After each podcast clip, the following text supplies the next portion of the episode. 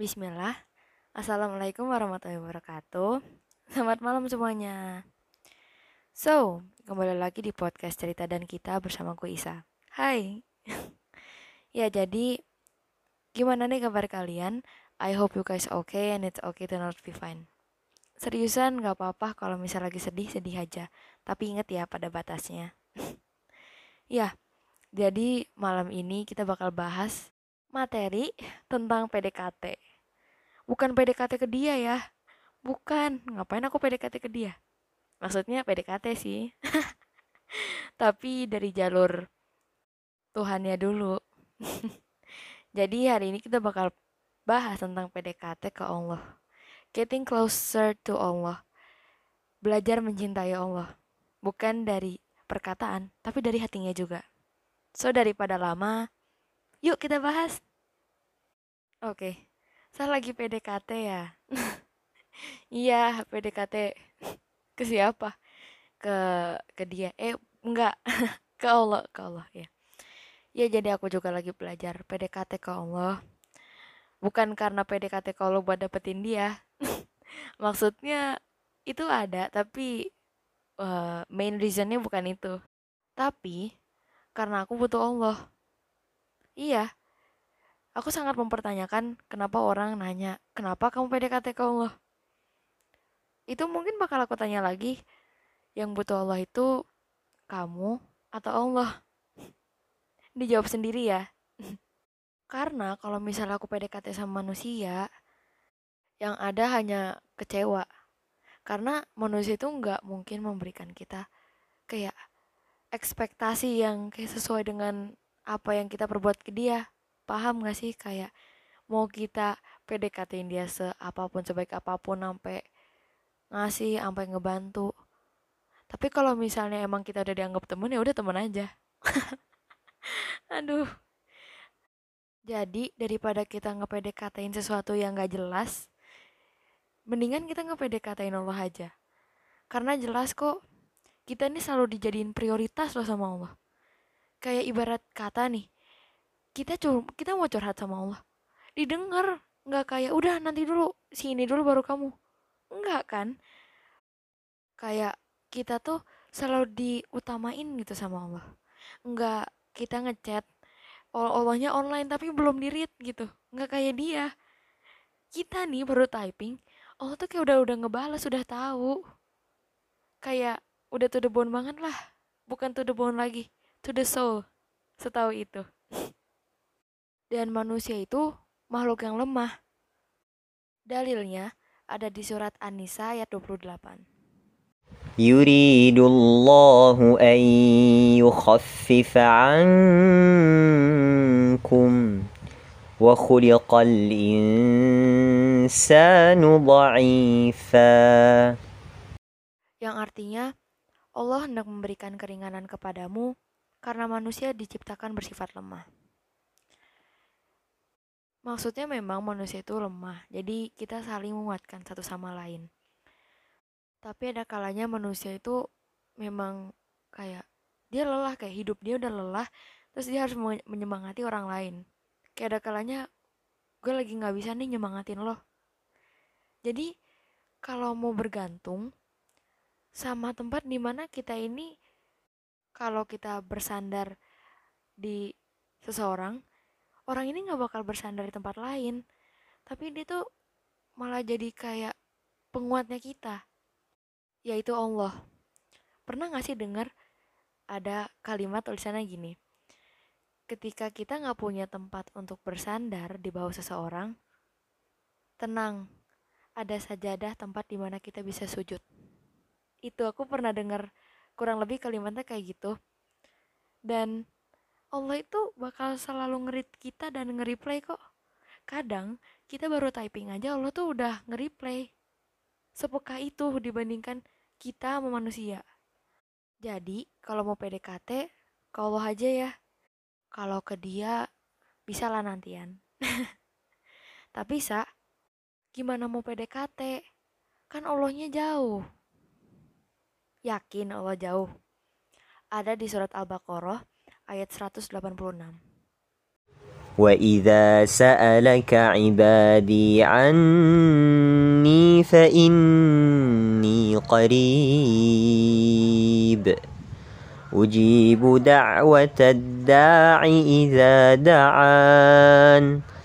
فليستجيبوا لي وليؤمنوا بي لعلهم يرشدون Dan apabila hamba-hambaku bertanya kepadamu dalam kurung Nabi Muhammad SAW tentang aku, maka sesungguhnya aku dekat. Aku kabulkan permohonan orang yang berdoa apabila ia berdoa kepadaku. Hendaklah mereka itu memenuhi perintahku dan beriman kepadaku agar mereka memperoleh kebenaran. Itu artinya ya. Jadi emang Allah tuh dekat, tapi kitanya aja yang gak peka. kamu bilang dia gak peka sama kamu, tapi kamu peka nggak kalau Allah itu dekat? Hmm, jawab sendiri ya. Jadi memang Allah tuh dekat. Kitanya aja yang nggak sadar. Jadi nggak ada alasannya untuk nggak PDKT sama Allah. Meskipun kita di bumi, di dunia, Allah itu ada di arsnya. Tapi Allah tuh kan maha ya. Kayak kita nih doa loh. Nggak usah pakai internet, nggak usah pakai apa. Cukup di atas saja deh kita doa itu tuh sama Allah gak usah nunggu kita selesai typing Allah udah langsung replay jadi jangan ragu ya untuk ngejapri ke Allah tapi sa gue banyak dosa gue kadang inget Allah cuma pas sedih doang sa masa ya tiba-tiba gue PDKT gitu sama Allah gue takutnya ntar gak diterima nah ini nih pikiran yang salah salah besar Allah itu selalu menerima kita kok. Meskipun lagi-lagi kita mengecewakan Allah. Tapi memang Allah tuh bakal ada terus untuk kita. Bakal selalu membuka pintu yang namanya pintu taubat. Tuh. Allah bakal selalu membuka itu. Dan Allah itu al-afu. Tahu gak artinya? Besok dibuka ya Al-Qur'annya dilihat artinya. Artinya Allah tuh maha pemaaf. Ada di surat Az-Zumar ayat 53. قل يا عبادي الذين أسرفوا على أنفسهم لا تقنطوا من رحمة الله إن الله يغفر الذنوب جميعا إنه هو الغفور الرحيم yang artinya, katakanlah, wahai hamba-hambaku yang melampaui batas terhadap diri mereka sendiri. Janganlah kamu berputus asa dari rahmat Allah. Sesungguhnya Allah mengampuni dosa-dosa semuanya. Sungguh, dialah yang maha pengampun, maha penyayang. Tuh, Allah tuh ya, meskipun kita sebesar apa pun dosa kita ke Allah, sesering itu kita ngeghostingin Allah. Sesering itu kita ngelupain Allah. Lagi-lagi Allah itu memaafkan kita. Jadi jangan capek untuk meminta ampun ke Allah, minta maaf atas dosa-dosa kita. Allah aja tuh nggak capek untuk memaafkan kita. Malah kita disuruh minta maaf kalau misalnya emang salah dan Allah menerima kok. Nggak kayak dia kalau misalnya kita minta maaf, di replaynya ntar-ntar. Enggak, literally Allah sebaik itu. Tapi sa, yang namanya manusia itu kan kadang gengsi ya. Paham aku. Kadang manusia itu kan kayak gengsi ya, entah minta maaf, entah apa. Mungkin ada juga manusia di luar sana yang gengsi untuk minta maaf ke Allah untuk mau PDKT gitu. Memulai awalan baru gitu. Relationnya dia sama Allah. Ya udah kalau kamu gengsi, Allah emang nyuruh kok untuk kamu PDKT ke Allah. Ada di surat Al-Maidah ayat 35. يا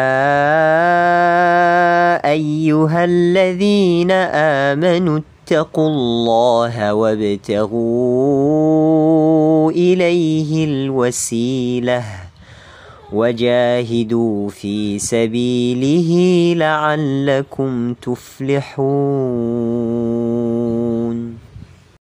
Yang artinya, wahai orang-orang yang beriman, Bertakwalah kepada Allah dan carilah wasilah. jalan untuk mendekatkan diri kepadanya. Dan berjihadlah, berjuanglah di jalannya, agar kamu beruntung. Jadi memang bagi yang ada orang yang gengsi untuk PDKT sama Allah, tapi sebenarnya udah niat nih. Allah tuh udah nyuruh ya. Jadi untuk apa juga sih kamu gengsi?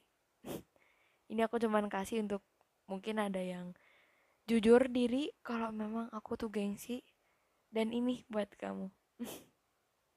Jadi itu ya. Kenapa kita itu disuruh PDKT, kita ambil dari arti yang terakhir, agar kamu beruntung.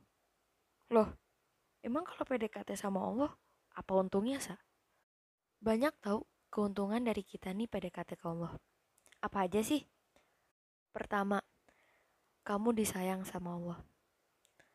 Kalau orang udah disayang sama Allah ya, tuh kayak bener-bener harus kita nih harus iri sama orang ini. Kenapa? Karena ketika kamu disayang sama Allah, kayak kita nih baru nih kena masalah. Ujian hidup ya. Itu terjadi pada semua orang.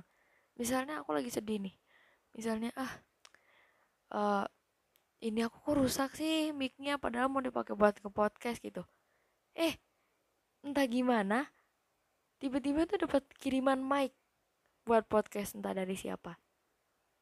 Jadi kita nih ya kadang baru aja ngomong kayak gitu kita belum curhat nih sama Allah.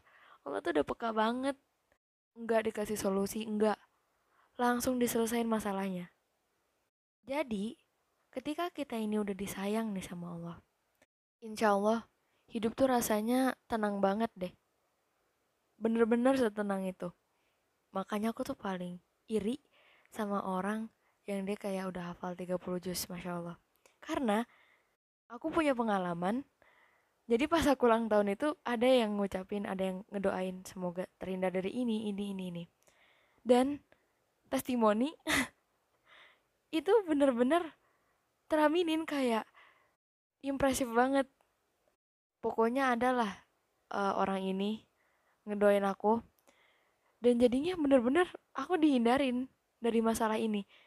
Kayak wah doanya manjur banget nih.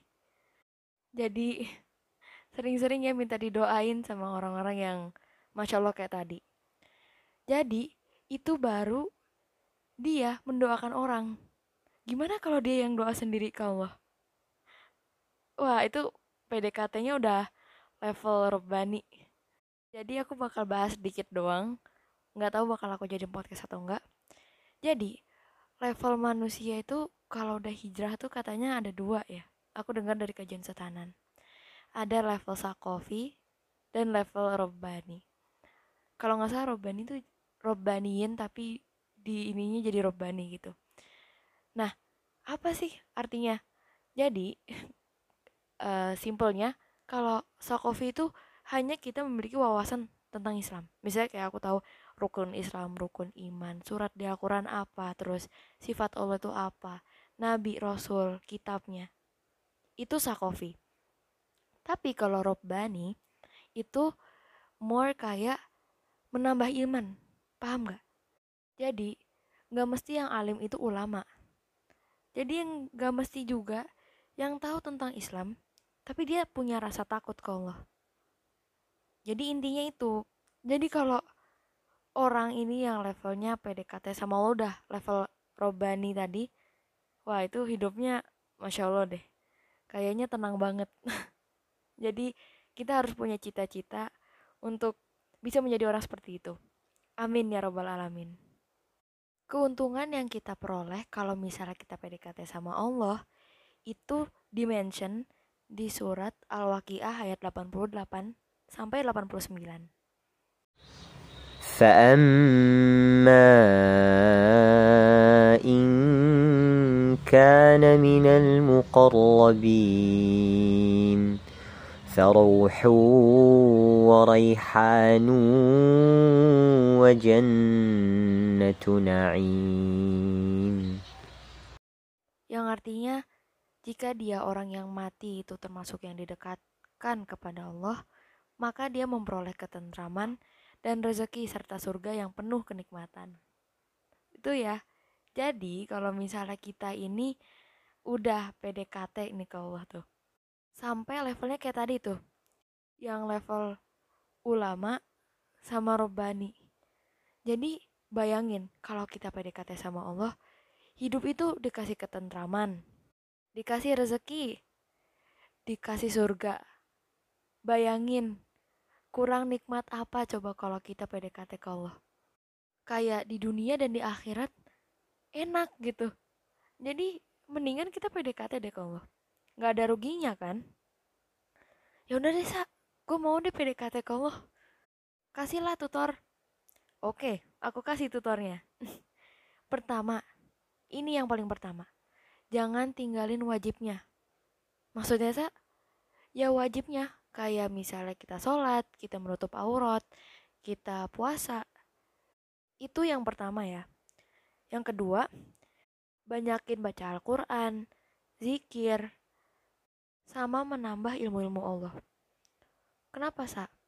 Karena yang namanya kita mau PDKT ke Allah itu, kita mengenal kan, kayak misalnya halnya kita pengen PDKT nih sama orang. Kita tahu nih, kapan tanggal lahirnya dia. Oh, tanggal lahir dia tuh segini, segini, segini. Lahirnya di sini. Orang tuanya ini, ini. Adiknya ini, ini. Iya kan? Jujur. Jadi kalau PDKT ke Allah ya kayak gitu. Pertama, kita baca Al-Quran. Dan mentadaburi artinya. Jadi kalau kita baca Quran kan kayaknya kita baca doang ya. Kayak kita blindly kita nggak tahu ini apa sih artinya. Makanya kalau baca sama artinya. Jadi setelah baca satu halaman dibaca juga artinya. Jadi kita biar tahu sama Allah, oh Allah gini. Oh dulu kejadiannya gini gini gini terus Allah nolongnya gini jadi itu kan yang namanya PDKT kita mengenal Allah lebih dalam kalau berzikir ketika kamu berzikir ya jangan cuman kayak alhamdulillah alhamdulillah alhamdulillah Allah akbar Allah akbar Allah subhanallah subhanallah subhanallah. Jangan jangan kayak gitu. Dulu aku juga sempat kayak gitu kayak ya nggak paham yang namanya SD terus ayahku ngajarin hal ini. Ketika kita berzikir misalnya alhamdulillah alhamdulillah alhamdulillah alhamdulillah jangan hanya lisan. Tapi ketika kita alhamdulillah itu, pikirkan satu kenikmatan yang kita rasakan. Misalnya, alhamdulillah, alhamdulillah masih bisa nafas, alhamdulillah masih dikasih umur, alhamdulillah, alhamdulillah. alhamdulillah. Jadi, ketika kita alhamdulillah tadi, jangan hanya mulut yang bergerak, tapi hatinya juga. Jadi, ketika kita berzikir kayak gitu, alhamdulillah gini, alhamdulillah gitu, kita bakal bersyukur. Karena terkadang nikmat yang paling kecil nikmat yang paling sederhana. Tapi damage-nya besar, itu waktu luang dan kesehatan. Itu aja kadang manusia lupa. Jadi, biar kamu bersyukur nggak melihat yang di atas terus, kamu berzikirnya kayak gitu ya. Jadi kita belajar juga untuk bersyukur dari situ. Oke? Okay? Terus, bermuhasabah diri. Kenapa? Karena ketika kita muhasabah, kita sambil ini nih PDKT nih sama Allah kayak misalnya zikir terus kita mau sabar diri bentar nih oh aku tuh masih kurang apa ya? Kok banyak orang yang gak respect sama aku? Kok gini hidup aku? Jadi ketika kita mau sabar diri kayak nggak secara langsung ini iman lagi dicas nih lagi dicas dan nggak secara langsung dari muhasabah kita tuh bisa menjadi orang yang lebih baik loh. Karena ketika kita muhasabah misalnya orang tuh biasanya muhasabah pas dia lagi terpuruk ya. Dia mikir gitu kenapa ya dosa apa ya yang aku lakuin sampai keadaan aku kayak gini? Itu. Jadi dari muhasabah tuh kita sekalian kita nih nata akhlak nata hidup juga nih. Oh gini aku salah di sini besok diperbaikilah gitu. Terus accept takdir dan posting ke Allah. Posting tuh bukan kita posting di Instagram ya bukan tapi husnuzon ke Allah. Jadi husnuzon itu kayak berbaik sangka ya ke Allah kenapa accept takdir? Karena kadang manusia itu nggak menerima misalnya kayak kenapa dia kok ninggalin aku? Kenapa kok nilai aku jelek? Kenapa kok aku gini? Aku gitu. Percayalah skenario itu Allah buat memang buat menguji iman kita. Jadi pertama kita alhamdulillah alhamdulillah dapat nilai segini misalnya gitu. Biasanya dari kejadian itu kita jadinya kayak muasabah kok gue bisa ya nilai segini padahal usaha udah kenceng latihan udah sering tapi kok masih segini nilainya? Mungkin kurang apa? Oh aku kurang doa kurang sholat sunnah nih. Atau enggak lalai malah nggak baca Quran. Dari situ kan jadi dari takdir yang menurut kita ini gak enak Allah secara langsung dari situ pengen menjadikan kamu orang yang lebih baik. Karena biasanya orang kayak gitu kan habis itu dia muhasabah diri tuh PDKT itu dia ke Allah atau dosanya dikurangi juga. Jadi dari kita terkena musibah ini dosa kita tuh juga dikurangi gitu. Halnya kayak kita sakit. Itu ketika kita sakit dosa kita tuh di dikurangin sama Allah. Baik kan? Atau enggak kita ini lagi diuji imannya. Sekuat apa sih iman kita jadi positif thinking ya sama Allah. Terus amalin sunnahnya. Itu. Karena ketika kamu ibadah lebih sama Allah Allah nih bakal notice. Percaya deh Allah bakal notice. Oh itu si A masya Allah banget. Sunnah zikirnya kenceng murojaahnya masya Allah. Jadi Allah tuh notice gitu Allah langsung notice. Nah ini nih yang plus gitu terus ingat kematian karena ketika kita ingat kematian kita jadi sadar oh iya waktu kita di sini nggak banyak ya dan kalau misalnya orang meninggal tuh ditanya maunya apa, dia maunya dihidupkan kembali untuk beribadah lebih. Tuh, orang yang meninggal aja ngomong kayak gitu. Jadi kita nih yang masih alive, masih di sini, kita banyak-banyakin deh ibadah ke Allah. Karena jangan sampai kita menyesal kayak mereka yang udah ada di dalam kubur. Sama yang terakhir, saran dari aku. Diistiqomahin karena kalau kita nggak istiqomah, kayak jadinya nih udah bagus nih kan. Orang ini udah, wah udah kenceng nih awalannya. Eh, kok hilang? Ternyata misalnya dia tiba-tiba nih dinotis nih sama seorang. Terus karena dia merasa doanya terjawab kan nih. Terus dia tiba-tiba ngilang gitu.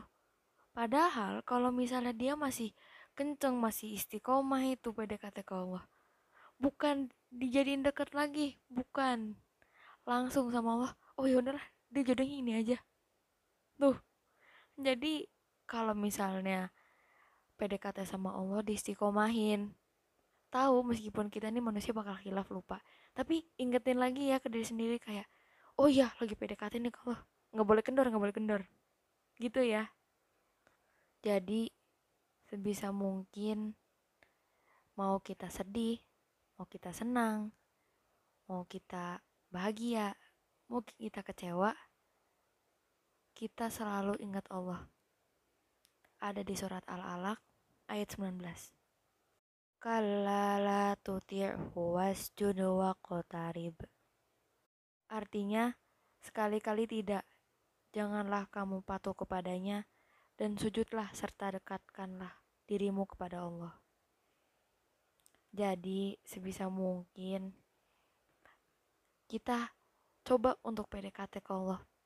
Coba untuk mencintai Allah bukan hanya bibir yang bilang aku cinta sama Allah, tapi dari hati. Oke? Okay? Aku tahu mungkin kayak a little bit hard, but keuntungannya ditambah kita memang butuh sama Allah, itu nggak bakal bikin kamu nyesel kok. Jadi, Ayo, kita semangat beribadah ke Allah. Karena memang pada dasarnya kita yang butuh Allah, bukan Allah yang butuh kita. Oke? Okay? Dan ada sedikit saran dari Kabani. Yuk kita dengar.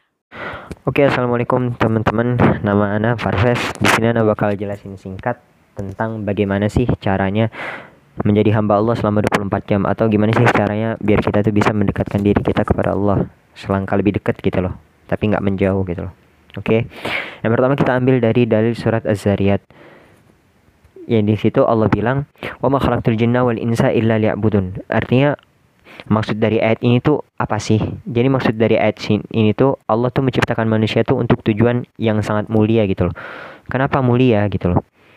Ya emang tujuan yang Allah ciptain. Jadi Allah nyiptain manusia tuh pasti ada alasannya dan gak mungkin sia-sia gitu loh. Tujuannya tadi apa? Yang pertama untuk beribadah kepada Allah semata dan tidak menyekutukannya menyekutukannya dengan yang lain. Jadi Allah tuh nuntut dua perkara itu yang pertama beribadah kepada Allah tapi beribadah kepada Allah ini juga sesuai syariat yang diajarkan Nabi Wasallam yang ada di dalam hadis Quran dan yang ulama-ulama telah beritahu kepada kita biasanya kalau misalnya di majelis-majelis. Nah, jadi beribadah kepada Allah bukan asal beribadah aja tapi harus sesuai syariat yang telah diajar ajar yang telah diajarkan kepada kita. Yang kedua, yang kedua itu apa? Nggak menyerahkan ibadah tersebut kepada selain Allah. Jadi kita tuh nggak boleh musyrik gitu loh. Musyrik ini sebenarnya dari hal-hal sepele kadang kita suka misal contoh kayak percaya zodiak itu tuh musyrik tapi kita menganggap itu tuh hal sepele so akhirnya kita kayak gampangin gitu loh padahal ternyata itu dosanya sangat besar gitu loh nah gimana sih cara kita menjadi hamba Allah selama 24 jam untuk memperbaiki hubungan kita dengan Allah. Yang pertama hablum minallah kita kita perbaikin. Mulai dari ibadah kita. Perbaik istighfar. Gak usah Gak usah baik-baik dulu deh. 33 kali aja sehari terus hidupin sunnah-sunnah. Contoh kayak sholat witir tahajud atau ini. Kita mulai nggak harus setiap pertama kali tahajud langsung banyak rekatnya nggak usah. Ya dua rekat aja dulu bertingkat. Istiqomah nih di dua rekaat istighfarnya 33 kali. Gue istiqomah selama satu atau sampai berapa bulan. Nanti naik lagi tingkatinnya. Tahajudnya jadi empat rekaat istighfarnya jadi 66 rekaat 66 kali gitu loh. Kemudian tahajudnya jadi 8 rekaat. Tingkatin. Mulai dari hal-hal sederhana dulu semampu kita gitu loh kita mempunyai segini nanti di bulan berikutnya kita tingkatin lagi tingkatin lagi. Jadi setiap bulannya kita tuh selangkah lebih dekat kepada Allah. Emang setiap proses tuh menu setiap kita proses nih proses mendekatkan diri kepada Allah tuh pasti banyak ujiannya. Ya Allah kasih ujian Allah kasih ujian tujuannya buat apa? Nguji iman kita gitu loh. Kayak nih kamu kuat nggak sih kalau saya kasih ujian kayak gini tuh kamu kuat nggak? gitu loh. Nah di situ kita dikasih pilihan. Itulah tujuannya diciptain akal Allah udah kasih akal nih kayak nih ada yang buruk ada yang baik gitu loh. Nah lu mau yang mana? gitu loh ibaratnya. Gue udah kasih tahu yang buruk kasih tahu yang baik udah kasih akal gitu loh. Ini ada yang buruk ada yang baik. Nah lu tinggal pilih. Kan udah ibaratnya Allah udah ciptain akal jadi kamu udah tahu mana yang baik mana yang buruk gitu loh. Di situ kita disuruh lebih mementingkan akal kita atau menuhankan hawa nafsu kita jika kita ingin menjadi hamba yang dicintai oleh Rob, oleh Allah, ya kita jangan sampai menuhankan hawa nafsu kita. Karena ketika hawa nafsu itu udah naik, hawa nafsu itu udah naik, akal kita tuh pindah ke dengkul. Kenapa sih aku bisa bilang pindah ke dengkul? Karena ya ketika hawa nafsu udah naik tuh kita kayak lupa gitu loh, lupa dosa, nggak inget mati. Nah, yang ketiga ingat kematian. Ingat kematian nih bukan sekedar nginget kayak ah mati gini loh kita ingatnya gini. Jadi setiap kita mau ngelakuin perbuatan buruk pikir begini. Gimana ketika kita ngelakuin sedang melakukan perbuatan tersebut eh kita mati gitu loh. Meninggal. Dan positif amalan kita buruk gitu loh. Wah ditanyain malaikat yang rugi siapa? Kita sendiri. Toh misalnya kita beribadah kepada Allah kita nggak beribadah pun Allah nggak rugi gitu loh. Yang rugi kita sendiri yang masuk neraka siapa? Kita sendiri gitu loh kita ujung-ujungnya baliknya rugi ke kita sendiri gitu loh. Emang yang namanya capek letih bosan tuh ada. Bosan nggak bisa bener capek gitu loh. Kok gua nggak bisa bisa jadi hamba Allah yang benar gitu loh. Caranya itu perbaikin hubungan kita sama Allah. Mulai dari hal-hal kecil yang tadi ya istighfar hidupin sunnah terus banyak nginget kematian gitu loh. Yang keempat tuh baca Quran. Baca Quran tuh jangan lepas gitu loh jadi jangan sampai kayak walaupun kita belum lancar jangan pernah takut untuk nggak baca Quran gitu loh. Jangan sampai kayak gara-gara nggak lancar doang itu kita jadiin alasan gitu loh kayak udahlah males gua baca Quran nggak lancar-lancar. Justru dengan gak lancar-lancar itu Allah kan narok nih di setiap satu huruf tuh 10 pahala gitu loh. Lo bayangin aja kita baca tiga huruf berarti 30 pahala. Untungnya buat siapa? Buat kita sendiri. Nah sekarang kita bisa jadiin teman kita sebagai guru gitu loh. Kita cari sebuah circle yang baik gitu loh yang baik untuk kita gitu loh. Yang cocok gitu loh. Dan yang bisa kita cari satu atau dua orang atau dua teman gitu loh yang bisa kita jadiin referensi gitu loh. Bukan referensi sih maksudnya kita bisa nanya-nanya ke dia kayak eh bro ini gimana nih? Gue mau belajar begini-begini. Seorang teman tuh bisa jadi guru loh. Tergantung gimana cara kita ya kita perbaikin hubungan sosialisasi kita dengan manusia loh gitu kita jangan sampai ya berteman itu boleh sama siapa aja tapi ya jangan juga dicari circle yang buruk gitu loh tapi cari circle yang baik gitu loh. Usahain temuin circle yang baik yang mungkin kita bisa ngambil banyak pelajaran dan hikmah di dalamnya sehingga baik juga manfaat untuk kita ke depannya gitu loh. Nah kemudian yang terakhir tutup amal perbuatan buruk kita dengan amal-amal baik. Jadi setiap kita habis ngel ngelakuin perbuatan buruk, istighfar. Istighfar ini bukan hanya dari mulut ya, dari hati gitu loh. Jadi bukan hanya astagfirullahalazim, tapi hati kita ke mana-mana mikirnya. Enggak harus kayak, eh ya Allah gue nyesel gitu loh. Maaf, maaf gitu. Bener-bener nyesel gitu loh. Maksudnya kayak, duh kenapa ya gue gini gitu loh. Ibaratnya kita ngelakuin perbuatan buruk sama zat yang nyiptain kita gitu loh. Nah, kemudian ketika kita ibadah sama Allah, otak tuh harus usyuk gitu loh. Semua jiwa kita harus menjiwai ya bahasa Indonesia itu. Ya bukanlah kayak berserah diri gitu loh. Maksudnya emang bener kita tuh nggak mikir apa apa gitu. Pas sholat tuh bener-bener khusyuk gitu loh. Ada di dalam surat An-Nisa taqrabu sholat atau ansul sukara jadi jangan mendekati sholat ketika kalian dalam keadaan mabuk. Mabuk di sini tuh bukan berarti minum bir atau amer atau anggur merah atau dan lain-lain. Bukan gitu loh. Jadi di sini tafsirannya banyak. Selain mabuk yang ini ditafsirkan juga sama para ulama pikiran tuh ke mana-mana gitu loh. Nah, contoh nih kita ngadep ke rumah presiden atau ke rumah para pejabat, kita pasti takut kan mau bicara gitu loh. Mau ngomong tuh kayak ih nggak sopan gitu loh. Nah ini sekarang kita ngadep Tuhan gitu loh, ngadep zat yang nyiptain kamu gitu loh. Loh masa pikiran kita berisik kurang sopan apalagi coba kurang ajar banget kita jadi hamba gitu loh usahain sholat tuh khusyuk gitu ya maksudnya jangan sampai ketika kita sholat kita mikir ke mana-mana gitu loh mikir ini mikir itu ketika usahain makanya ketika sebelum sholat tuh kita berdoa Allah a'udzubika hamazati syayatin wa turun Artinya kita berlindung dari setan yang mendekati kita. Jangan sampai jadi ketika kita sholat kita tuh mikir ke mana-mana. Itu perilaku perbuatan setan semua gitu loh. Tapi kadang kita ngikutin, ngikutin setan gitu loh. Jadi kita setan ngasih tau pikiran ini kita ngikutin kita ngikutin media mikir apa kita mikir apa gitu loh jangan sampai tapi jangan sampai akal sama pikiran kita tuh dikuasain setan ketika kita lagi menghadap Allah gitu loh. Usahain khusyuk khusyuk khusyuk gitu. Nah itu jadi kita perbaikin hubungan kita sama Allah hablum minallah kita kita perbaikin. Kemudian hablum minanas kita keperbaikin santai. Yang namanya proses pasti ada naik ada turun. Tapi tergantung kita. Intinya jangan pernah berputus dari rahmat Allah. La mir rahmatillah. Jangan sampai kita berputus dari rahmat Allah gitu loh. Jangan berputus dari rahmat Allah. Walaupun kita gagal, coba lagi, coba lagi, coba lagi. Terus kita jangan sampai ngomongnya doang nih mau jadi pribadi yang lebih baik, mau menjadi hamba yang lebih baik, tapi actionnya kagak ada gitu loh. Jangan sampai, jangan sampai bual-bualnya aja gitu loh. Jangan sampai ngomongnya doang tiap hari, tapi actionnya kagak ada. Kita harus ciptain action itu. Walaupun di tengah proses, kadang kita naik, kadang kita turun. Yang namanya iman emang begitu kadang naik kadang turun. Ada waktu di mana saat iman kita turun. Tapi itu semua tergantung kita mengendalikan. Jangan sampai ketika kita iman kita turun kita menuhankan hawa nafsu kita. Sehingga akal kita yang dari atas pindah ke bawah. Jangan sampai. Usahain tahan tahan. Jadi setiap kita ngel mau ngelakuin keburukan mikirnya gini. Kalau misalnya gua mati pas ngelakuin keburukan itu yang rugi gua gitu loh. Sehingga kita gagal. Jadi nggak ngelakuin keburukan itu gitu loh. Jadi kita tahan ganti dengan kegiatan positif yang lebih berfaedah lah ibaratnya ya. Refreshing gitu loh entah itu jalan-jalan atau ngapain. Intinya jangan melakukan kegiatan-kegiatan negatif gitu loh. Nah mungkin itu sih sekedar saran dari Ana ya. Syukran assalamualaikum.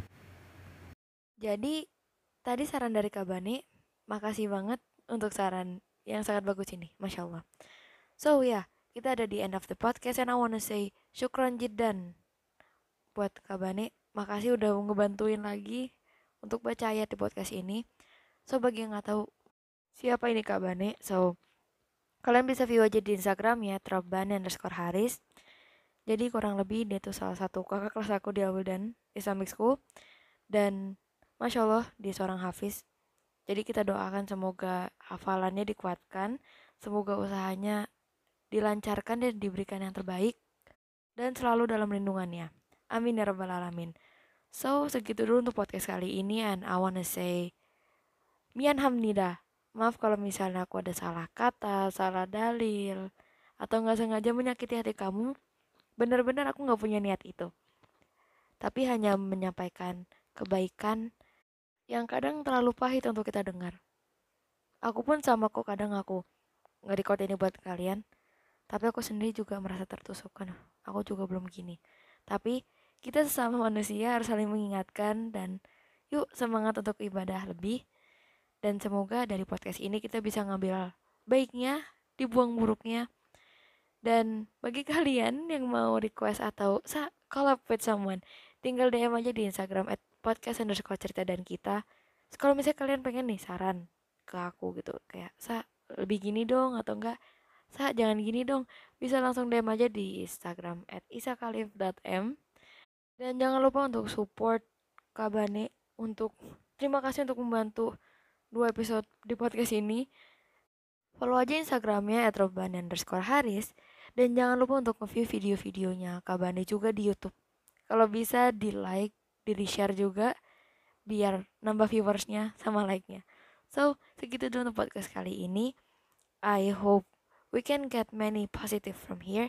And maafkan jika aku ada salah kata. Isa pamit undur diri. Wassalamualaikum warahmatullahi wabarakatuh. Selamat malam semuanya. Dadah.